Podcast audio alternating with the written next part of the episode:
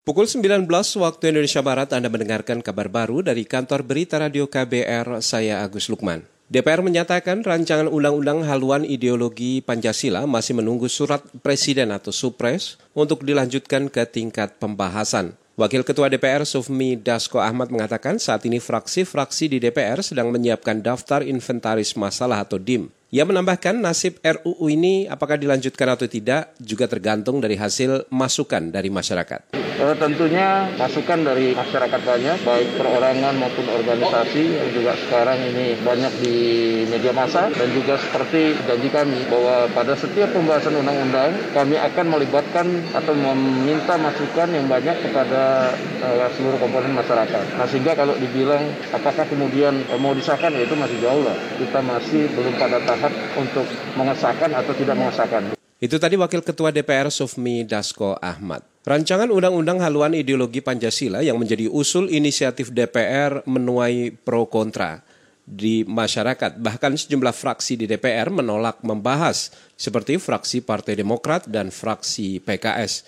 Sementara itu Menteri Koordinator Politik Hukum dan Keamanan Mahfud MD mengatakan pemerintah menunda pembahasan RU itu sambil menunggu masukan dari publik. Komisi Pemberantasan Korupsi KPK menyebut dana penelitian di Indonesia yang menggunakan anggaran negara tidak efektif penggunaannya.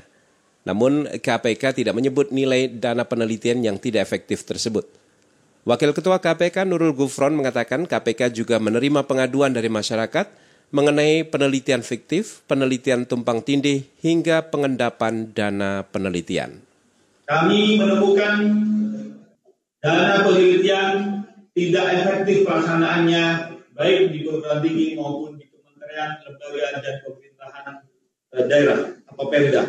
Kedua, beberapa barang penelitian di dua, di dua perguruan tinggi yang tidak akuntabel. Jadi kami menemukan beberapa uh, barang di negara yang merupakan aset ataupun uh, uh, dana hasil dari dana penelitian. Wakil Ketua KPK Nurul Gufron mengatakan KPK tetap akan memantau pengelolaan dana penelitian dalam negeri yang menggunakan anggaran negara. Gufron beralasan lembaga penelitian di Indonesia tersebar dari pusat hingga daerah tanpa ada regulasi dan ini menyebabkan anggaran tersebar dan tidak terhitung secara real. Menurut Menteri Riset dan Teknologi Bambang Brojonegoro, dana penelitian di Indonesia secara hitungan kasar mencapai 30-an triliun rupiah. Kita ke mancanegara, para ahli hak asasi manusia dari Perserikatan Bangsa-Bangsa mengecam rencana Israel untuk menganeksasi atau menguasai sebagian besar wilayah tepi barat. Mengutip Reuters, kecaman itu dibuat dalam sebuah pernyataan sikap yang ditandatangani hampir 50 ahli hak asasi manusia independen dari PBB. Menurut mereka, rencana aneksasi itu melanggar hukum internasional yang melarang pencaplokan wilayah dengan kekerasan.